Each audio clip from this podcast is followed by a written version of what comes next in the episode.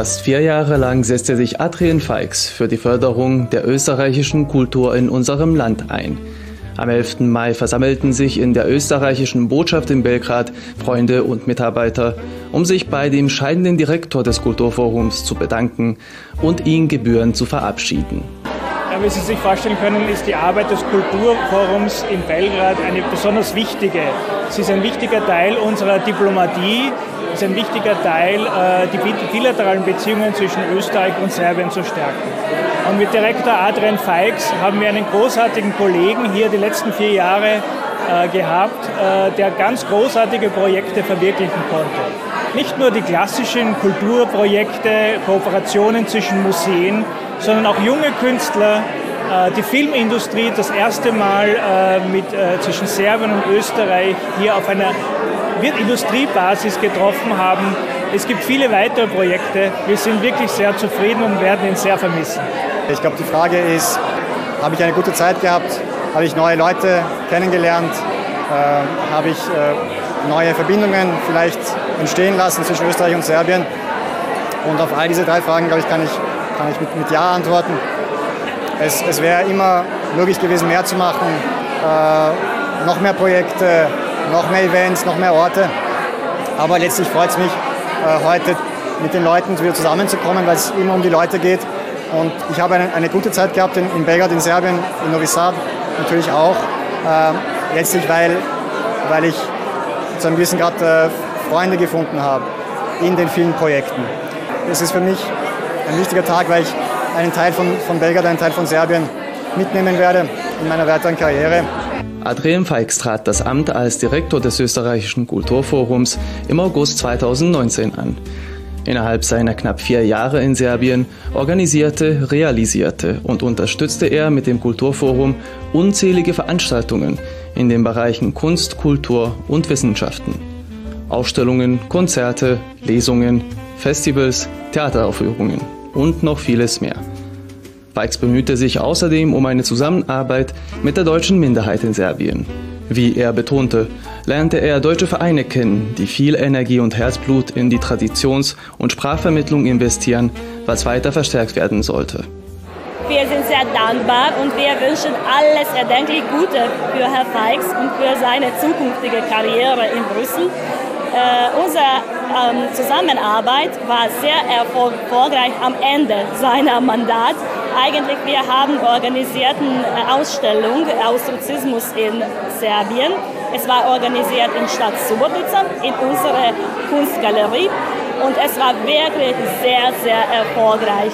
Wir hoffen, dass die weitere Zusammenarbeit mit österreichischer Botschaft und österreichisches Kulturforum wird mindestens so oder sehr äh, so gut sein, wie es war.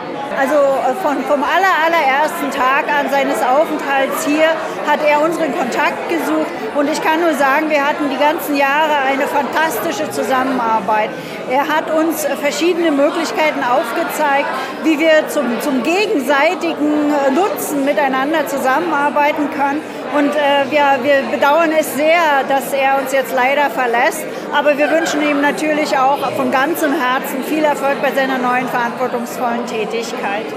Gemeinsam mit Adrian Falks haben wir hier wirklich viele tolle Projekte vorangetrieben. Ich denke zum Beispiel an unsere Kabarettabende, die wir zweimal im Jahr organisieren, ähm, die immer sehr, sehr viele Zuschauerinnen und Zuschauer anziehen. Das ist schon eine lange Tradition, die jetzt auch die Corona-Pandemie überwunden hat.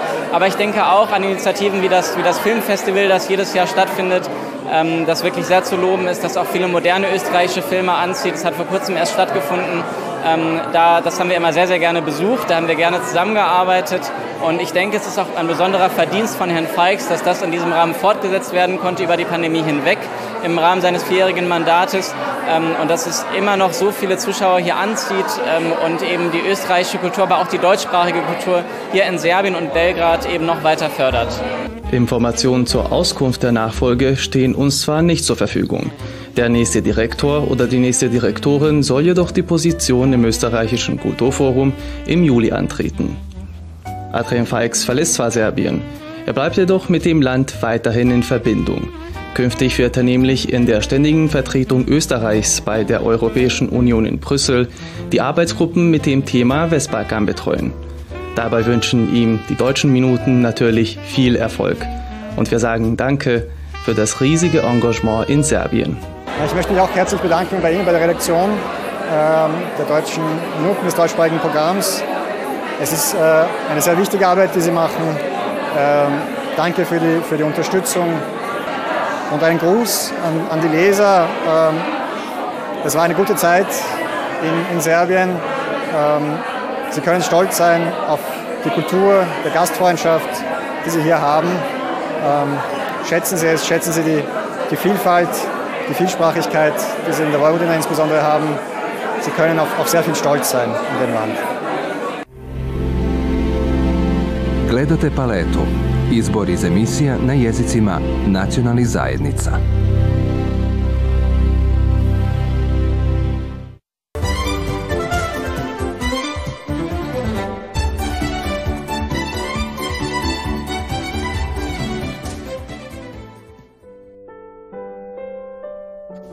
Es gibt vermutlich keinen einzigen Muttersprachler des Serbischen, der nicht zumindest ein wenig Deutsch könnte. Der Grund dafür sind Wörter wie Schaumrollne, Schneider, Schwärzer, Spiel, Zuspeis, Birzus, Geländer, Freile und noch viele mehr. Es handelt sich dabei um sogenannte Germanismen, Wörter, die aus der deutschen Sprache ins Serbische übernommen wurden. Am 4. April wurde im Novi Sada Rektoratsgebäude in Organisation des Clubs der emeritierten Professoren der Universität Novi Sad ein Vortrag zu genau diesem Thema gehalten. Den Vortrag hielt die anerkannte emeritierte Germanistin Professor Dr. Vesna Beric Djukic, die sich dazu bereit erklärt hat, uns eine Kurzfassung ihres Vortrags darzubieten. Unser heutiger Vortrag oder Darlegung ist über Lehnworte aus dem Deutschen ins Serbische. Dieser diachronische Prozess oder Entlehnungsvorgang erstreckt sich über mehr als 15 Jahrhunderte hinweg. Die germanischen und slawischen Stämme kamen sehr früh in Berührung und blieben bis heute ununterbrochen. Unseres heutiges Untersuchungskorpus beruht auf einem Werk bzw. einer Tagungszeitung von Ilya Ognjanovic Abukazem aus der zweiten Hälfte des 19. Jahrhunderts unter dem Titel Spaziergang durch Novi Sad. Das Ziel der Untersuchung war festzustellen, ob die erwähnten Worte noch immer in beiden Sprachen gebraucht werden. Die Untersuchung hat sich als Referenz auf Duden und Rechnik Matice Srpske bezogen. Es hat sich herausgestellt, erstens, dass die genannten Lexeme in beiden Sprachen fortdauern. Und zweitens, dass sie im Serbischen, obwohl sie zum Teil als Barbarismen bezeichnet werden, trotzdem als Teil der serbischen Standardsprache betrachtet und gebraucht werden. Und noch etwas? Es ist eine längst bekannte Tatsache, es gibt keine Sprache, die ohne Lehnworte ist. Die Veranstaltung war ein großer Erfolg. Die Anwesenden darunter auch zahlreiche Studentinnen und Studenten des Novi Sada Lehrstuhls für Germanistik, konnten einen neuen Blick auf die bunte Welt der Germanismen bekommen und verließen somit die Veranstaltung mit einem tieferen Verständnis von den sprachlichen Berührungen zwischen der deutschen und der serbischen Sprache. Unter den vielen Germanismen gibt es aber selbstverständlich zahlreiche, die eindeutig aus der österreichischen Sprachvarietät übernommen wurden. Zu diesen sogenannten Austriazismen gehören Wörter wie Paradise, Karfiol, Kifla, Speis, Schmecker, Zimmer, Bankomat und noch viele mehr. Auch diesen Lehnwörtern wurde im April Aufmerksamkeit geschenkt, nämlich in der Zeitgenössischen Galerie in Subotica im Rahmen einer Ausstellung die von dem österreichischen Kulturforum bereitgestellt wurde. Die Ausstellung bestand aus einer Reihe von Plakaten, die sich mit der Etymologie der wohl bekanntesten Austriazismen im Serbischen befassen. Bei der Eröffnung der Ausstellung haben die Mitglieder des Vereins Maria Theresiopolis für reichliche Unterhaltung gesorgt.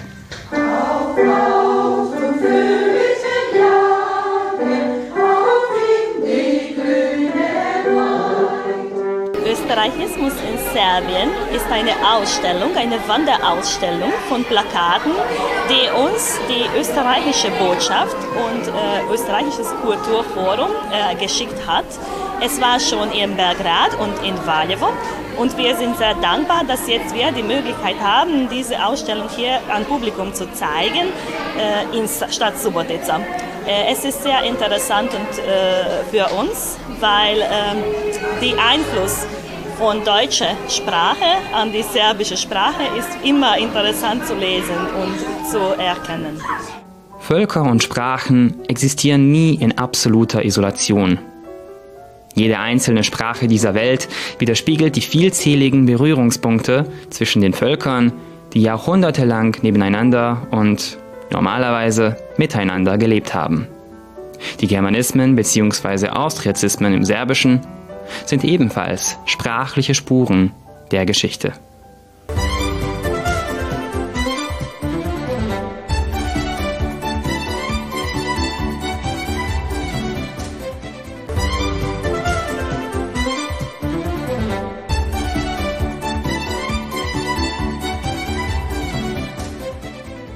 Wir befinden uns am Donauufer in Novi Sad.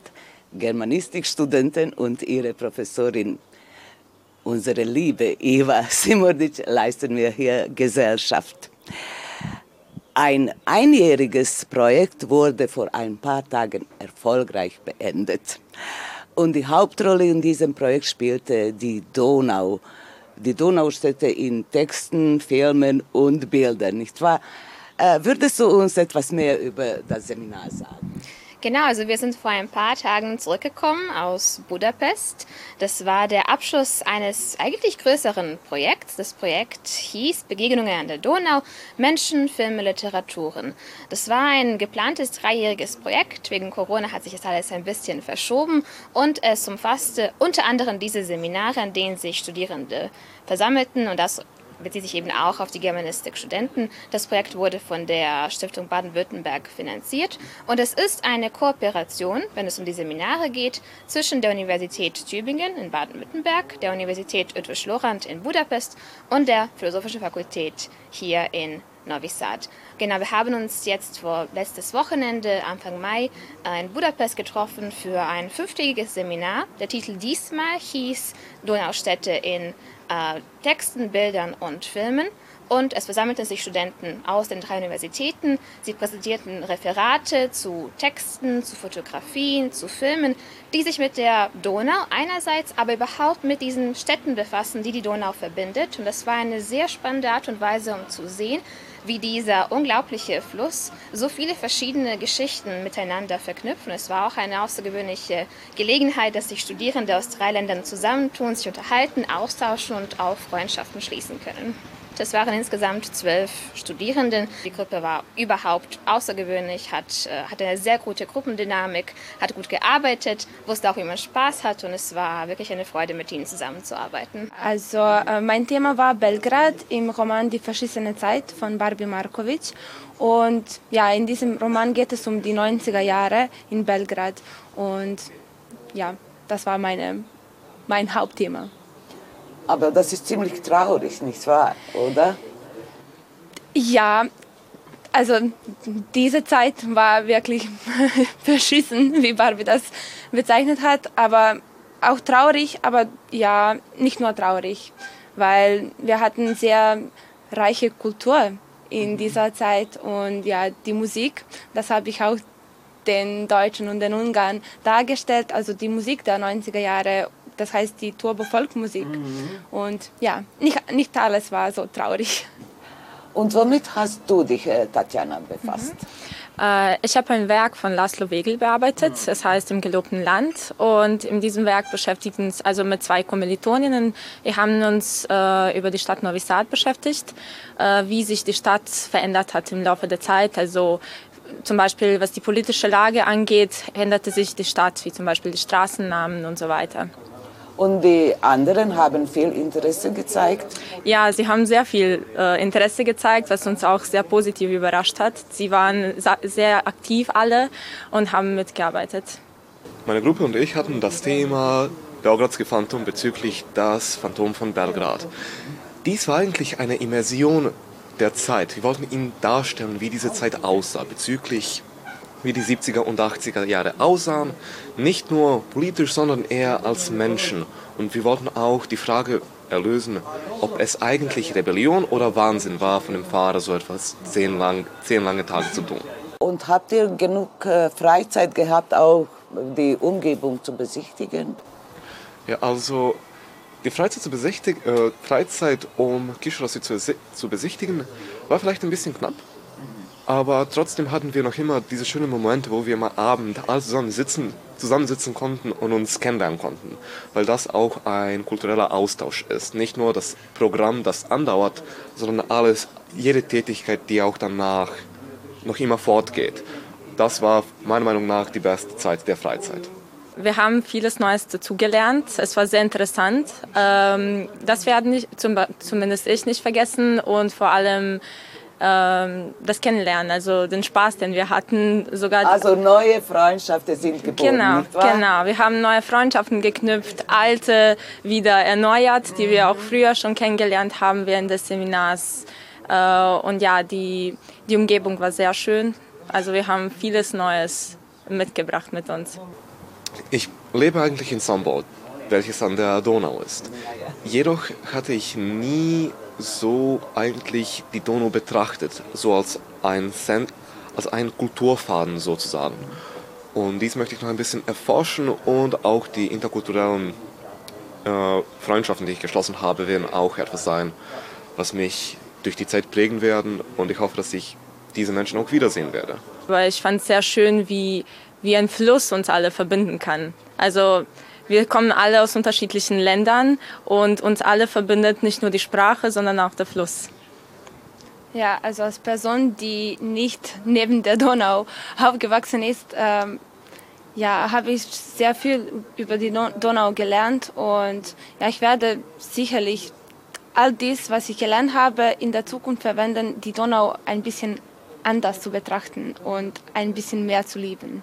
Ich muss betonen, dass äh, die Hauptrollen auch die Professorinnen aus Tübingen und äh, Budapest einnehmen. Also auf sie geht auch diese Initiative zurück auf dieses größere Projekt. Das sind Frau Olivia Spiridon von, aus der Universität Tübingen und äh, Edith Giray von der Lorand-Universität. Ich bin da ein bisschen, sagen wir mal, spät in das Projekt eingestiegen, aber sie haben sich darum bemüht, dass ich mich da sehr schnell wohlgefühlt habe und sie haben mir dabei geholfen, mich auch an diese neue Arbeitsweise zu gewöhnen. Und da bin ich auch wirklich sehr dankbar.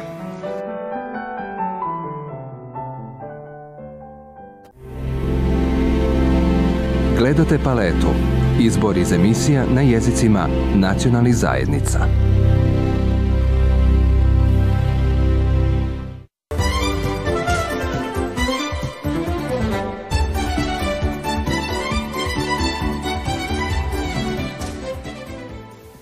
Es war eine Mutter, die hatte vier Kinder.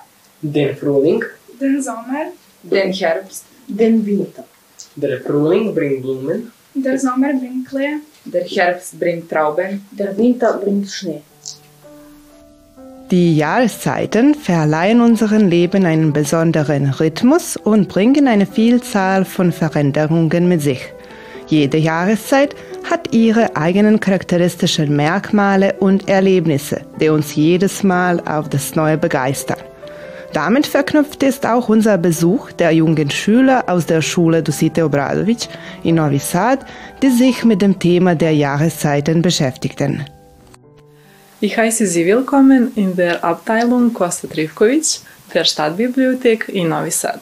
Dabei wünsche ich Ihnen viel Spaß bei uns. So, Sie haben sich mit dem Thema Jahreszeiten beschäftigt. Können Sie uns ein bisschen mehr davon erzählen? Äh, also Jahreszeiten sind äh, immer ein äh, aktuelles, sehr interessantes und breites Thema, denn es bietet zahlreiche Möglichkeiten.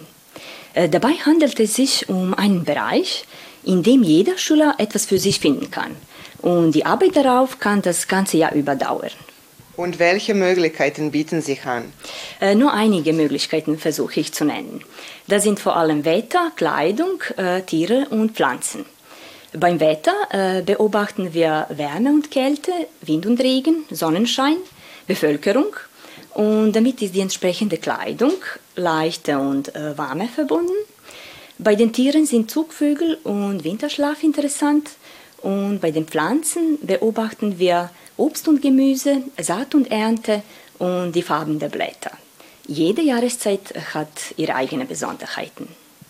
Und was haben Sie uns hier heute vorgestellt? Äh, unsere Darstellung besteht aus Gedichten, Kinderlieden, Abzählreimen, Rebussen, Sprichwörtern und Zusammenbrechern, die sich äh, auf die Jahreszeiten beziehen. Äh, ebenso haben die Schüler den Wortschatz zu diesem Thema äh, mit Hilfe von Aufsätzen gefestigt und in entspannter Atmosphäre einige äh, Motive gezeichnet. Es war auch toll, dass schon viele neue Ideen und Anregungen für die zukünftigen Aktivitäten entstanden. Ah, ah, ah, der Winter, der ist da. Wie wir Kinder lustig lachen, wenn wir einen Schneemann machen. Ah, ah, ah, der Winter, der ist da.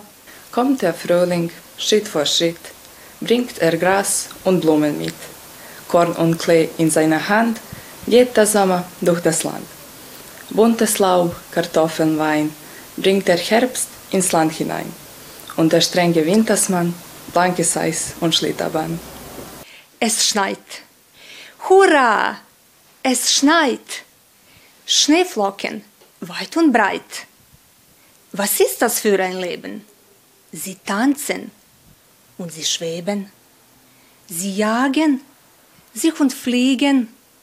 Der Wind bläst vor Vergnügen. Schon blüht Edelweiß unter Schnee und Eis. Wie das edle Weißrein, so soll unsere Freundschaft sein. Mein Regen bringt Segen. Schon färben sich die Blätter, die Felder werden leer, Bald tanzt kein einzig Mucklein im Strahl der Sonne mehr. Rote Blätter fallen, graue Nebel wallen. Mit dem Frühling endet der Winter und fängt das schöne Wetter an. Zu Ostern färben wir Eier und genießen die Ferien. Wir Wind wir tun Ernten, auf Regen folgt Sonnenschein. Fuchs ändert das Haar und bleibt, was er war. Eine Schwalbe macht noch keinen Sommer. Im Januar muss Winter sein, so bringt das Jahr und Skor und Wein. Ich zeichnete das Aussehen eines Baums in vier Jahreszeiten. Jede von den Jahreszeiten hat einen Reiz, der unsere Sinne bezaubern kann. Im Sommer gehen wir baden und sind so braun wie Neger, wie Schornsteinfeger. Ist der Januar nass, bleibt leer das Fass. Mehr als trockener und heller füllt Scheune und Keller. Ich versuchte Blumenmotiv darzustellen. Es symbolisiert die Geburt eines neuen Lebens und eines neuen Anfangs. Die Sonne lacht, der Wald ist grün, der Vogel singt, die Blumen blühen. O Tannenbaum, o Tannenbaum, wie grün sind deine Blätter. Du grünst nicht nur zur Sommerzeit, nein auch im Winter, wenn es schneit. O Tannenbaum, o Tannenbaum, wie grün sind deine Blätter.